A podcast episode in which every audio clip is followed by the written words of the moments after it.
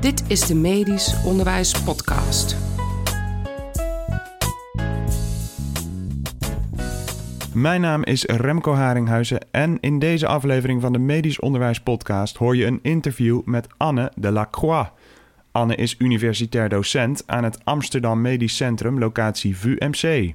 Ze is van oorsprong taalwetenschapper en is expert in kwalitatief onderzoek van medisch onderwijs. Samen met onderzoeker en filosoof Mario Veen schreef ze in 2018 een van de meest gedownloade artikelen uit Perspectives on Medical Education over de reflective zombie. Het Medisch Onderwijs Podcast Interview. Anne, Ja, welkom in de podcast bij dit interview. dankjewel. Ik zag jou bij de, eh, bij de Fringe sessie van de NVMO-congres. Klopt. En ik vond dat zo leuk dat ik dacht, zij moet in mijn podcast. Nou, dankjewel. Ik vond het ook heel leuk. Ja, hoe was het om dat te doen voor zo'n groot eh, zaal? Ja, nou, het was eh, spannend, want het artikel waar het over gaat, de Reflective Zombie, die was echt, nou, volgens mij twee of drie weken daarvoor uitgekomen. En die werd in de eerste twee weken al ontzettend veel gedownload. Dus toen dacht ik, oh jee, nu moeten we het ook waarmaken. Ehm, ik had al wel eerder het idee voor de zombie ehm, ehm, gepresenteerd op een EMI-congres. Ja, Toevallig ook in dezelfde sessie als Paul Brandt zijn rugbylied deed. Dus we Ook. waren met z'n tweeën nog een keer op de eerste MVMO Fringe. En eh, ik vond het dit keer nog leuker om te doen, omdat ik samen met Mario, mijn co-auteur eh, van dit stuk, eh, het heb kunnen doen. Hij speelde de zombie. Mhm. En met nog twee collega's. die, die ook echt het zombie-idee nog wat meer konden illustreren. Anouk Wouters en Marianne Mak. Dus ik vond het ontzettend leuk om te doen. En nou ja, in mijn familie zit toneelspelen zit er een beetje ingebakken. Mijn zusje is actrice. Ik heb altijd toneel gespeeld. Dus ik vind dat eigenlijk heel leuk. Voor zo'n groot podium eh, een idee uiteenzetten. ja, dat was ook goed te zien. Want het was ook leuk en iedereen was erg enthousiast. Ja. En het spreekt natuurlijk aan, zombies. Ja, nou dat hebben we gemerkt dat de titel al aanspreekt. Uh, tegelijkertijd merken we ook dat mensen meteen eh, kritisch zijn. Dat, Ja. of, of een beetje, eh, je gaat toch niet studenten beschuldigen van zombiegedrag. En hopelijk als je het goed leest zie je dat we dat niet doen. Dat we niet studenten de schuld geven, maar dat we zeggen dat het systeem op een bepaalde manier gebouwd wordt dat we gedrag uitnodigen. Eh, ja, dus ik hoop dat we laten zien dat we blame the system en niet blame the student Ja, doen. want dat is uiteindelijk de strekking van, je, eh, van het artikel. Ja, precies. Maar ja, de, de titel, eh, dat hebben we gemerkt. De zombie die spreekt aan. Dat kwam ook nog vlak voor Halloween uit. Oh, dus ja. heel veel Amerikaanse mensen vonden het ook grappig. Ja, ja. mooi.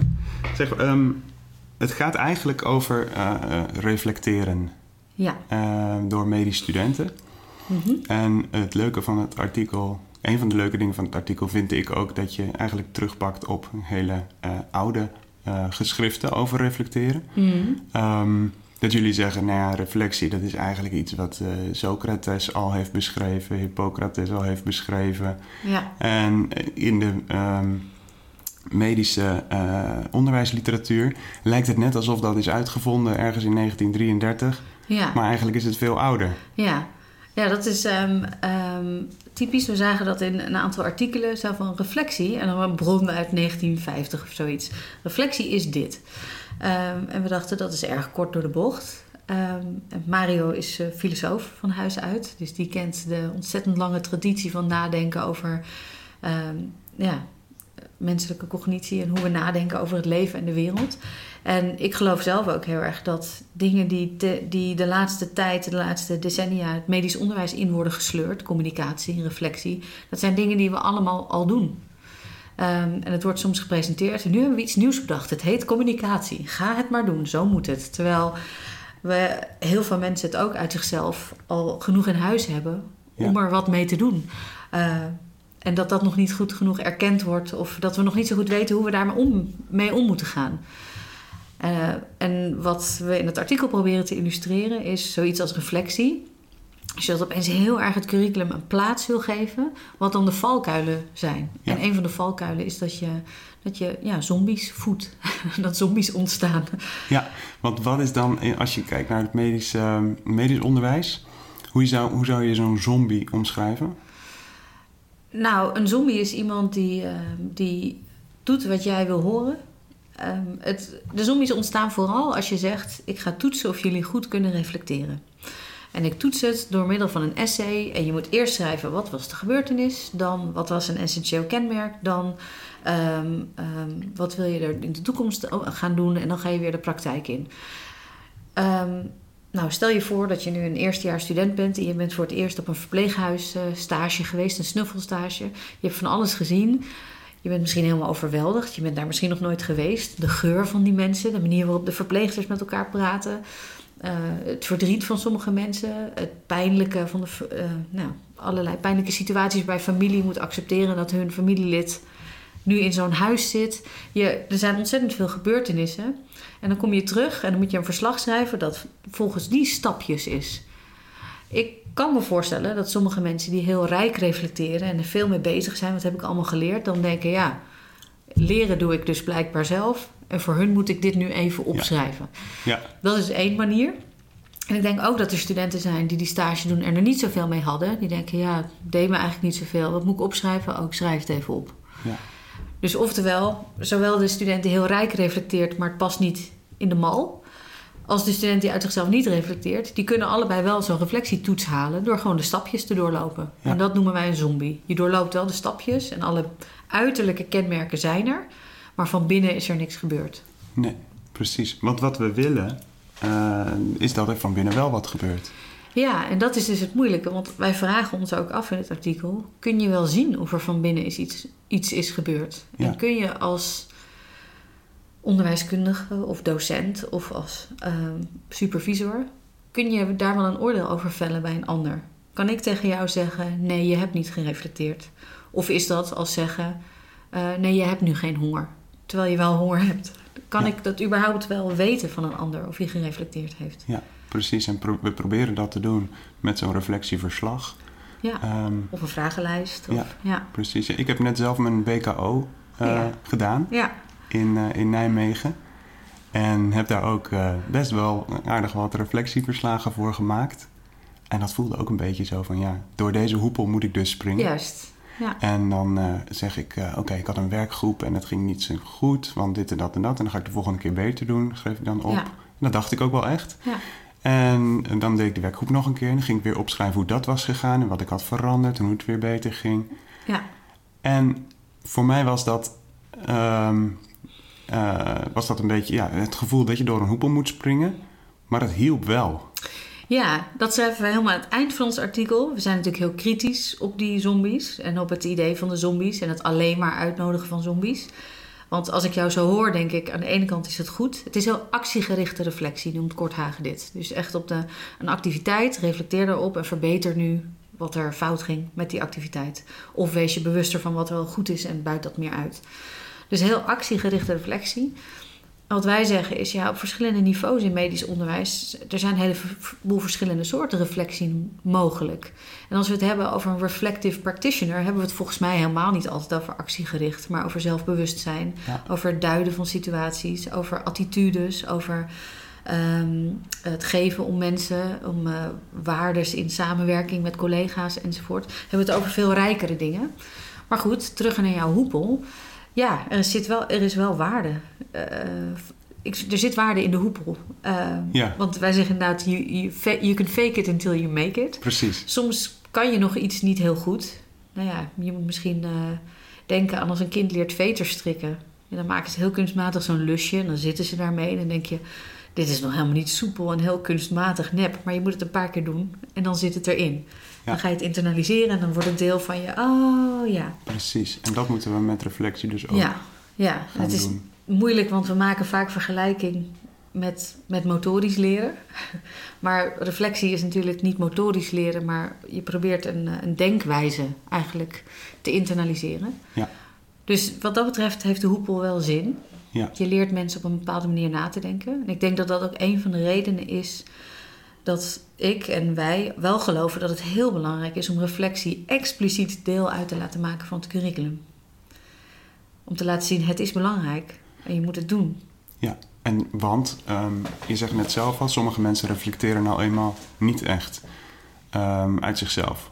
Nee, of um, niet, effect, niet uh, nou ja, effectief is een moeilijk woord. niet op een manier die ervoor zorgde dat zij een betere arts worden of uh, ja. zich beter kunnen handhaven in de, in de toekomstige werkcontext. Precies. Wat ik mezelf ook zat af te vragen bij, en dat, uh, bij het lezen van je artikel, is dat uh, we hebben het ook vaak over jonge mensen bij geneeskunde van 18, 19 jaar, soms wel 17. Ja. En daarom vragen we dan, ja, ga maar reflecteren. Ja. En je merkt sommige mensen die kunnen dat nog niet? Of is Nee. het gevaarlijk als ik dat zo zeg? Nou, ik denk dat het. ehm, ik denk, ga maar reflecteren is een ingewikkelde vraag. Ja, Wat Mario en ik in twee eerdere studies hebben gedaan, is groepen bij huisartsgeneeskunde, bij de uitwisselen van ervaringen. Die hebben we geobserveerd om te kijken waar praten ze nou over en op welke manier doen ze dat nou. En het bijzondere van eh, eh, Erasmus MC huisartsgeneeskunde is dat daar niet een heel strak format is voor hoe Aha. die sessies in elkaar zitten. Eh, het is redelijk organisch, gaat het. En dan merk je, dan, gaan, dan gaat zo'n groep zelf een zinnig gesprek voeren. En je ziet ze dan ook onderhandelen. We gaan het hierover hebben. En dan hoor je een paar mensen, nou, is dat, is dat echt waar we het over willen hebben? Dat zeggen ze niet op de manier die ik nu doe. ja. Maar je merkt in de groep, oh ja, ze zijn op zoek. Hoe maken we hier een leerzaam gesprek van met elkaar? ja. En dan zeg je niet per se, we gaan nu reflecteren en doe maar stapjes. Maar je zegt, we gaan met elkaar praten over ervaringen. ja precies. En dan doen ze het met de groep. En dan zorgen ze ervoor, het zijn natuurlijk volwassen mensen ook in de huisartsopleiding. Dan zie je dat er toch in elke groep naar tevredenheid een groepsgesprek gevoerd wordt. En het wordt hoog gewaardeerd in de evaluatie van de opleiding. Mensen vinden het heel belangrijke en waardevolle sessies. Zonder dat er nou echt getoetst wordt en zonder dat er gezegd wordt: op deze manier moet je het doen. Ja. Maar gewoon eerder, we zitten hier en we gaan praten over de ervaring. Want uiteindelijk is reflecteren natuurlijk het duiden of het betekenis geven aan de wereld om je heen. Ervaringen die je in die wereld hebt opgedaan. Ja. Ehm, ja, en het probleem is het wel weer. Bij huisartsgeneeskunde heb je dan volwassen mensen met al levenservaring en die wat verder zijn. ja, En bij iets mensen- oudere mensen. Ja, bij 17, 18, 19 is dat misschien wat lastiger voor sommigen. Ja, Eh, dus dat ja is er is een verschil. enorm verschil. Er is Ja. een enorme range, Ja. vind ik, eh, bij de bachelorstudenten. De mensen die al heel goed reflecteren. En de mensen die er eh, moeite mee hebben. Of dat eigenlijk misschien nooit geleerd hebben. ja. Ehm, dus dat maakt het ingewikkeld. Ja, en ik denk zelf, en Mario ook, dat is ook de strekking van ons stuk een beetje, dat vragenlijsten en hele strakke eh vormvereisten aan essays niet de manier zijn om iemand van 16, 17, 18, 19, 20 Ja, jonge mensen te leren reflecteren. En wij denken eerder dat. ehm, nou, ik weet bijvoorbeeld bij het VUMC is het team van José van de Kreken van medische psychologie. Daar zitten Albert Wenis en Veronica Selliger. Die doen wel eens workshops ook op het NVMO. Die doen bijvoorbeeld tekenen of ze gebruiken kunst Ja. of mindfulness. Gewoon dingen die breder zijn dan alleen de hele tijd cognitief en nadenken en met woorden proberen iets te uiten. Proberen ze op een andere manier een keer uit te nodigen. Hey, probeer nou eens te, te tekenen hoe je je voelde. Ik heb dat zelf ook met co-assistenten gedaan. ja, Tekenen is van nul tot nu al je ervaringen met artsen. En eh, denken mensen eerst, oh, wat moeten we nu voor kleuteropdracht doen? En dan na tien minuten voel je een omslag in de sfeer. Is iedereen heel gefocust bezig. En de gesprekken die daarna ontstaan zijn zo rijk. Eh, want mensen vragen aan elkaar, wat staat daar dan? ja. En als je direct aan iemand had gevraagd, vertel eens, wat is je ontwikkeling van nu, eh, van nul tot nu als arts? Ja, dan zouden ze het misschien niet weten. Maar als je ze laat tekenen en iemand anders zegt, wat is dat nou? Oh ja, nee, toen had ik mijn been gebroken toen ik acht was. Dan gaan ze toch daar vragen over stellen en dan krijg je rijkere gesprekken. Het is niet voor niets dat het nu ook een onderzoeksmethode is, door onder andere Esther Helmich dan hier in Nederland eh, veel ingezet. ja. Dus ik denk dat, dat er heel veel dingen zijn uit de geesteswetenschappen. Gedichten schrijven, films. Ehm, in Birmingham, waar ik gewerkt heb, had Ja. je een module film en medicine. En literature and medicine. En in- bij het Erasmus MC gebruikten ze wel eens gedichten over ziek zijn. Om eens te op een andere manier... Volgens mij heeft reflecteren ook te maken met even afstand nemen van het hier en nu. En Ja, op precies. een andere manier nadenken. En dat is precies wat kunst natuurlijk ook doet. Ja. Ja. En daarom vind ik dat een heel interessante ontwikkeling. Ja, En tegelijkertijd zal dat ook niet voor iedereen werken. Dus variëteit lijkt me ook een heel belangrijk. eh, Ja, eh, precies. element. Want ehm, je moet ook ja, dat tekenen. En dat is, even terug daar naartoe. Want je Ja. krijgt een. Dat, ik zat me dat voor te stellen hoe dat werkt. Want dat is leuk, denk ik. Je krijgt een, een wit vel voor je. Ja, ik heb het gewoon heel ordinair gejat. Want ik heb ooit zelf de lerarenopleiding gedaan. Ja. Ik ben een tijdje middelbare schooljuf geweest. En toen moest ik een onderwijsautobiografie maken. En dat was deze opdracht. Maar die heb ik daarna vertaald naar de medische context. Ja. Moest je een... eh, je, je mocht een lijn tekenen, maar het mocht ook een, een loop zijn of een cirkel. Maar van geboorte tot nu. En alle momenten dat je in aanraking geweest bent met de gezondheidszorg. of Ah, met als, artsen. zelf als, als een Als patiënt. patiënt. of als kind van een arts misschien. Ja. Eh, of op televisie, weet ik veel. Er zijn mensen die, die tekenden Grey's Anatomy erin... omdat ze daar zo eh, verslaafd aan raken. Ja. Eh, en vervolgens konden ze natuurlijk ook hun verschillende kooschappen.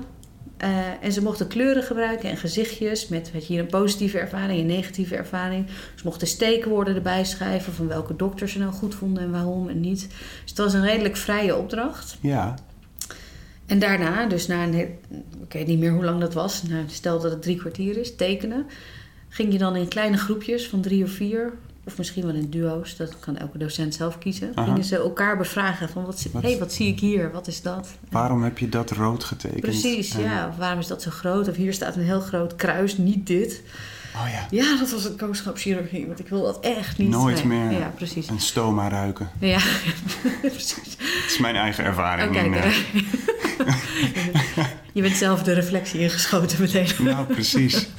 Ja, dus ik denk, dit is maar een voorbeeld met dat tekenen. Maar er zijn meerdere mensen in Nederland nu ook die daar heel goed en creatief mee bezig zijn.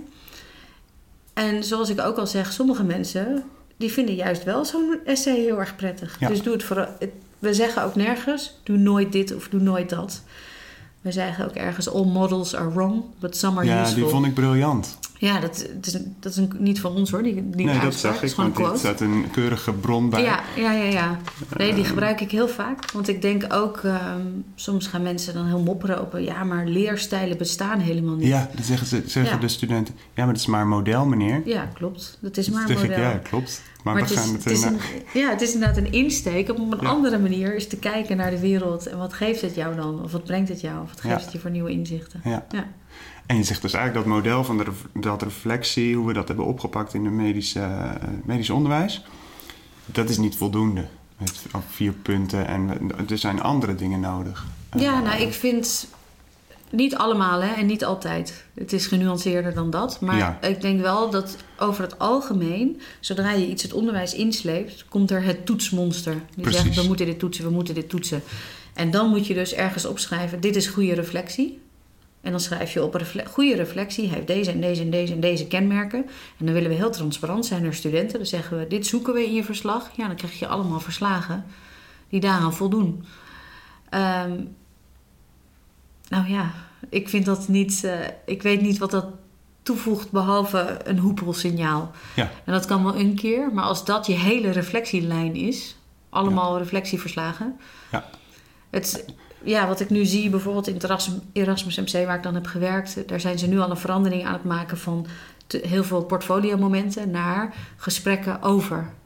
Dus je, je hebt een persoonlijke mentor waar je dan in gesprek Ja. mee gaat. Want Want jullie zeggen in je artikel... eigenlijk kun je als docent in zo'n gesprek binnen 10 minuten al uitvinden... of iemand echt reflecteert Ja. of niet. Ja, en vaak ook in een essay al een beetje, maar het zijn allemaal dingen. Dan voel je aan je water. Oh, Mhm. dit is niet echt. Niet pluisgevoel Ja. noemen de Nou huisartsen ja, dat. precies. Ja. Het niet pluisgevoel als, als docent. Ja, precies. Kan je voelen. En in gesprek kun je daar iets mee doen. Kun je Ja. zeggen, hé, hey, misschien is dit hele model wel onzin. Ik ben gewoon benieuwd wat jij hebt geleerd. Vertel eens. Het hoeft niet in deze stapjes. Je wil namelijk gewoon weten, is daar van binnen iets gebeurd? En als je heel erg merkt, als ik het op deze op manier A vraag, krijg ik brave antwoorden waarvan ik denk dit klopt niet, dan kun je in een gesprek zeggen: ik schakel even naar manier B. Eh, en in een essay, als je zegt dit is de enige manier waarop we toetsen, kan dat niet. Jullie zeggen ook dat reflecteren, dat is eigenlijk iets wat je niet... eh, je moet het niet zien als het aanleren van reflecteren, maar als het simuleren. Ja. Het stimuleren van eh, reflecteren. Precies. Ja. Zijn er nou ook mensen die... Weet je, je hebt dan bij de huisartsgeneeskunde opleiding... ehm, heb je er geobserveerd? ja. Zijn er ook mensen die het eigenlijk helemaal niet kunnen? Of niet kunnen reflecteren. Ja, of niet, niet helemaal, dat er niet, niet zoveel te stimuleren valt? Dat is een moeilijke vraag. Ehm, ik kan me slecht voorstellen dat er mensen zijn. Ik denk dat als je aan iemand vraagt: vertel eens iets over wat je hebt meegemaakt, dat bijna iedereen daar wel iets over zal zeggen. Alleen, ik denk wat jij bedoelt, en dat herken ik ook wel, dat sommige mensen zeggen: ja, nou, dat was gewoon een verpleegkundige en die vond het niet leuk wat ik deed. Punt. Ja, toen hadden we een beetje een botsing. Ja. En dan Of wil dat- je dat als het- docent natuurlijk eigenlijk weten, maar hoe zat het dan? Wat deed je dan? Nou. Mm, mm, mm. En wat deed dat met jou? Ja, En dan komt er niet zoveel. Dan zegt ze, ja, ja oké, dat was gewoon eh, Ja. een botsing. Ja. Dat deed niet zoveel meer. nee, daar heb ik ook wel verschillen over gehoord in visie. Er zijn eh, mensen die vinden dat je, je hebt zo'n niveau van verschillende, zo'n piramide met verschillende niveaus van denken. Over je omgeving, over feitelijkheden, over gedrag, over vaardigheden, over identiteit en visie. Mhm. En over zingeving helemaal bovenin. Is dat die Maslow-pyramide? nee, eh, het is ehm, van Bateson. Oké. Pyramide van Bateson heet die. Ehm, en er zijn mensen die zeggen: Ik vind het prima als ze in de onderste lagen blijven. Gewoon praten over de context en gedrag en welke vaardigheden heb ik dan nodig. En er zijn ook opleidingen en mensen die zeggen: Nee, ik wil weten hoe voelden mensen zich daarbij en wat heeft het gedaan met hun overtuigingen en hun visie. Ehm, ik snap dat, maar tegelijkertijd ben ik daar ook een beetje huiverig voor. Want zodra studenten weten: Oh, ze willen ook hoe ik me daarbij voelde, kan ik je nu al op een blaadje aangeven dat je zombies krijgt die allemaal zeggen: Ja, en ik was heel verdrietig. Dat is ook dat ene artikel dat we aanhalen, dat heet They like it if you said you cried. Yes. Dus dan gaan mensen emotie acteren, omdat ze weten dat je dat zoekt. Ja. Waarvan ik me dus ook weer afvraag: is dat dan wat we willen bereiken? Ja. Ja. Nee, niet dus. Nee, nee. Dus ik denk dat eh, het gevaar van, van reflectie niet meer toetsen is misschien dat. ehm, want dat is uiteindelijk wat wij het liefst zouden willen. Wat minder reflectie toetsen. En zeggen: dit is goede reflectie, dit is slechte reflectie. En meer reflectie stimuleren. En meer gelegenheid geven om op verschillende manieren te reflecteren. En van elkaar te zien: hé, hey, we reflecteren allemaal anders. Maar we zijn allemaal bezig met wie ben ik in relatie tot de patiënt, in relatie tot collega's, in relatie tot de wereld om me heen. Dat zou mooi zijn. Dus reflectie stimuleren, wat minder toetsen. Ehm, en het gevaar is dan dat een paar mensen die het gewoon echt niet kunnen, Mhm. het nooit leren. Maar wat je wint, is dat niemand reflectie moe raakt. Precies, want dat worden de Ja. studenten wel hoor. Ja, dat worden studenten. En wat er ook gebeurt, is dat mensen die uit zichzelf diepe denkers zijn en kritische denkers, geïrriteerd raken door het curriculum. Want dat zijn, er zijn slimme, ontzettend reflectieve studenten.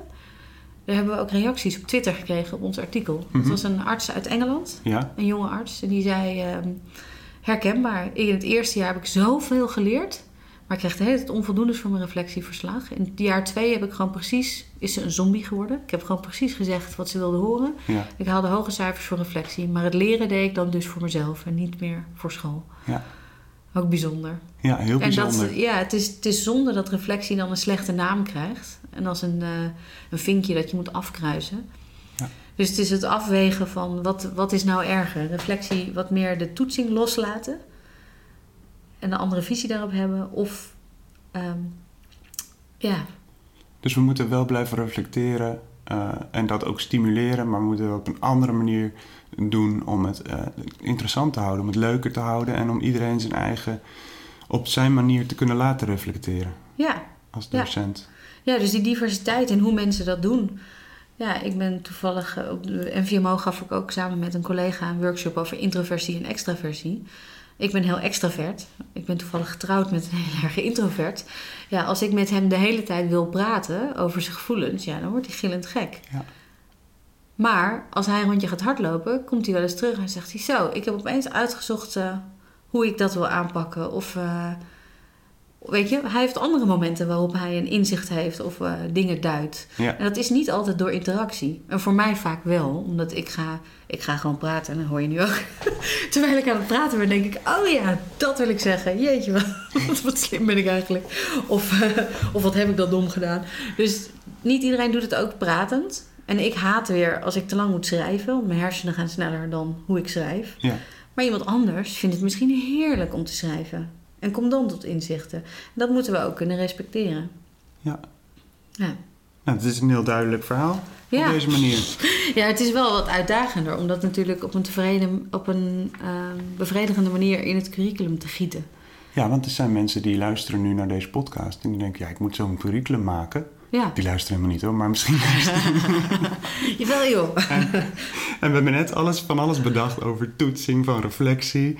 En ehm, nu zeggen ze van nee, dat moet je helemaal niet zoveel toetsen en we gaan het op andere manieren doen. Ja. Nou, ik nodig... Mensen mogen natuurlijk altijd met ons oneens zijn. Dat vind ik alleen leuk. Daar Ja. ben ik benieuwd naar, naar hoe dat gesprek verder gaat. We hebben wel een mailtje gehad van iemand op- een hbo. Op het hbo wordt natuurlijk ook ontzettend veel gereflecteerd. Omdat er een enorm beroepspraktijkcomponent is. En ik heb een mailtje gehad van iemand in het hbo... die bezig was met de herziening van de reflectielijn. En die na ons artikel toch dingen anders ging doen. Maar dat is toch mooi? Ja, dat was mooi. Die wilden echt één model gebruiken. Dit is reflectie, dit model en deze stapjes. En daar gingen ze nu toch van afzien.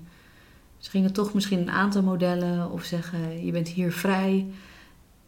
Ja, dus dat vond ik Kijk, heel dat leuk. heb je dan al voor elkaar gekregen Ja. met jullie artikel.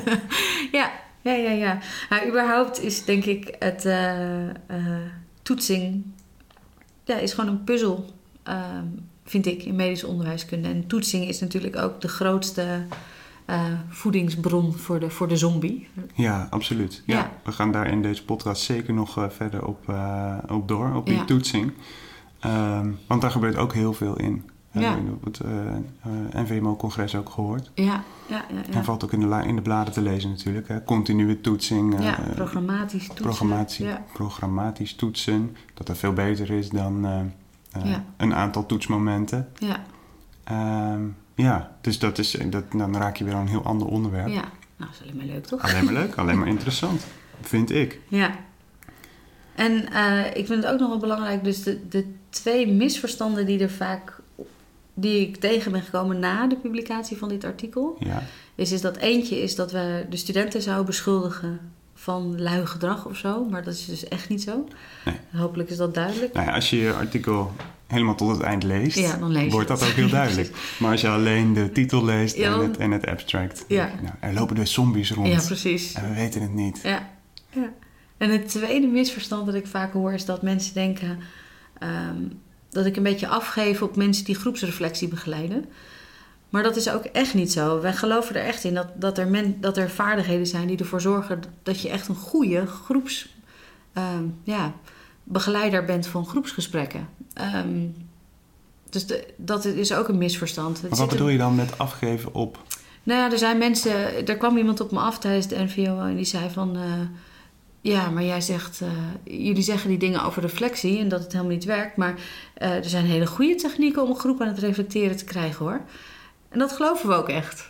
Ja, ik geloof echt dat er mensen zijn, als je die voor een groep zet, dat een groot deel van de groep eh, aan het denken gezet wordt en nieuwe Ja. inzichten heeft enzovoort. Daar geloof ik echt in. En ik denk ook dat je docenten en misschien zijn dat ook wel coaches of groepsbegeleiders of tutoren, weet ik veel, dat je die kunt trainen om daar beter in te worden. Ja, Het gevaar voor ons zit er echt in op het moment dat je zegt: dit is goede reflectie, dit is slechte reflectie en ik ga jou nu een groene of een rode sticker op je hoofd plakken. ja, ja precies. Ehm, want ik las ook in je artikel dat, want, ehm, dat zo'n groepsreflectie moet ook aan bepaalde voorwaarden voldoen. Wil het eh, goed zijn? Dat zeg je wel heel duidelijk. Dus het moet een veilige omgeving Ja. zijn, een inspirerende docent. Ja. Ehm, dat is natuurlijk wel heel belangrijk. Ja, iemand bij wie je prettig voelt. Ik denk ook dat verschillen gewaardeerd en geaccepteerd moeten worden Ja. binnen de groep. Ja. Eh, en dat vraagt al, en dat is wel weer interessant in medisch onderwijs, waar soms natuurlijk een beetje een paradigma spagaat is tussen positivisme, postpositivisme en constructivisme. Want wat je in een groep eigenlijk wil, is dat er verschillende waarheden van mensen en ervaringen naast elkaar mogen bestaan. Mhm.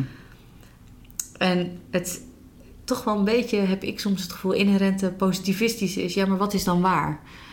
Dat hoor je vaak ook bij studenten, ook in tutorgroepen. Mhm. eh, heb ik dat vaak eh, begrepen van tutoren en docenten. Willen studenten toch na een discussie dan weten, ja, maar wat was nou, wat was nou het goede antwoord? Ook als het om persoonlijke ervaringen of meningen gaat. ja. Hoe had ik het moeten doen? Ja, ja Zeggen ze precies. Ja. Ja. Eh, en die hang naar, maar wat is nou de waarheid? En waar score had ik nou een 10 of een 8? Die houding moet je dan laten varen. En dat is wel echt de uitdaging. Ja. Ja. Nou, ik hoop dat, eh, dat ehm, dankzij jullie artikel en jouw andere onderzoek ook natuurlijk, dat het steeds meer die kant op gaat. Dat we aan die, met, met, eh, op die kant, of, nou, op die manier gaan reflecteren. Ja. Of reflecteren gaan aanleren, gaan stimuleren. Ja. Nou, je had het net zelf, dat hebben de luisteraars niet gehoord, toen wij kennis maakten, verteld dat je soms studenten meeneemt Ja. naar een bijzondere setting. Een bijzondere setting, hè, de TBS-kliniek Ja. waar ik werk. Nou ja, dat soort ervaringen. Volgens mij hoef je na afloop niet te zeggen: lever nu allemaal een verslag in. Volgens mij kun je echt na afloop gewoon zitten en jongens, vertel eens. En krijg je dan al, krijg je dan al heel veel.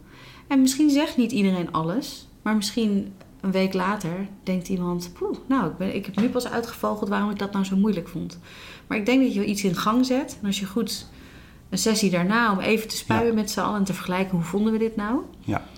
Ik, ik denk dat dat. eh, ik zou niet. Ik zie zelf niet de noodzaak om daar nog een cijfer of een eh, reflectieverslag of iets aan te koppelen. Nee. Dus ik denk het, het verschaffen van rijke, leerzame. Ja, zoals mijn held D. Fink zou zeggen, significant learning experiences. Zorg ervoor dat je rijke leerervaringen aanbiedt. Dan hoef je volgens mij niet meer dan daarna mensen een kans te geven om dat een plek te geven. En dat kan in een groep zijn en in gesprek. En dat kan een andere keer iets opschrijven zijn. Ja, Nou, op sommige plekken kan dat zijn. Maak een tekening. precies. Maar die dingen moeten wel een plek krijgen. Ja, Ehm, in de Ja. hoofden van de mensen die met mij naar die kliniek zijn gegaan. Hè? Want daar zien ze soms en, en horen ze soms heftige dingen.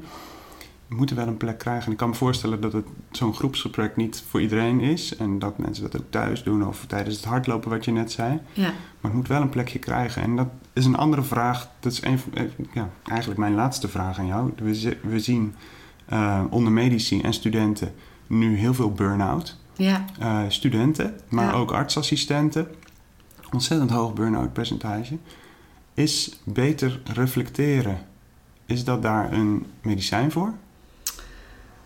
dat is een goede vraag. Dat weet ik niet. En het grappige... Wat denk je? Ja, het is een beetje dubbel. Want er is ook een heel kritisch Nederlandstalig stuk over re- reflectie. Dat we in dit artikel niet konden gebruiken als bron omdat het een Nederlands stuk is. Van Ton Luken. Dus de luisteraars kunnen het googlen. Het heet Zin en onzin van reflectie.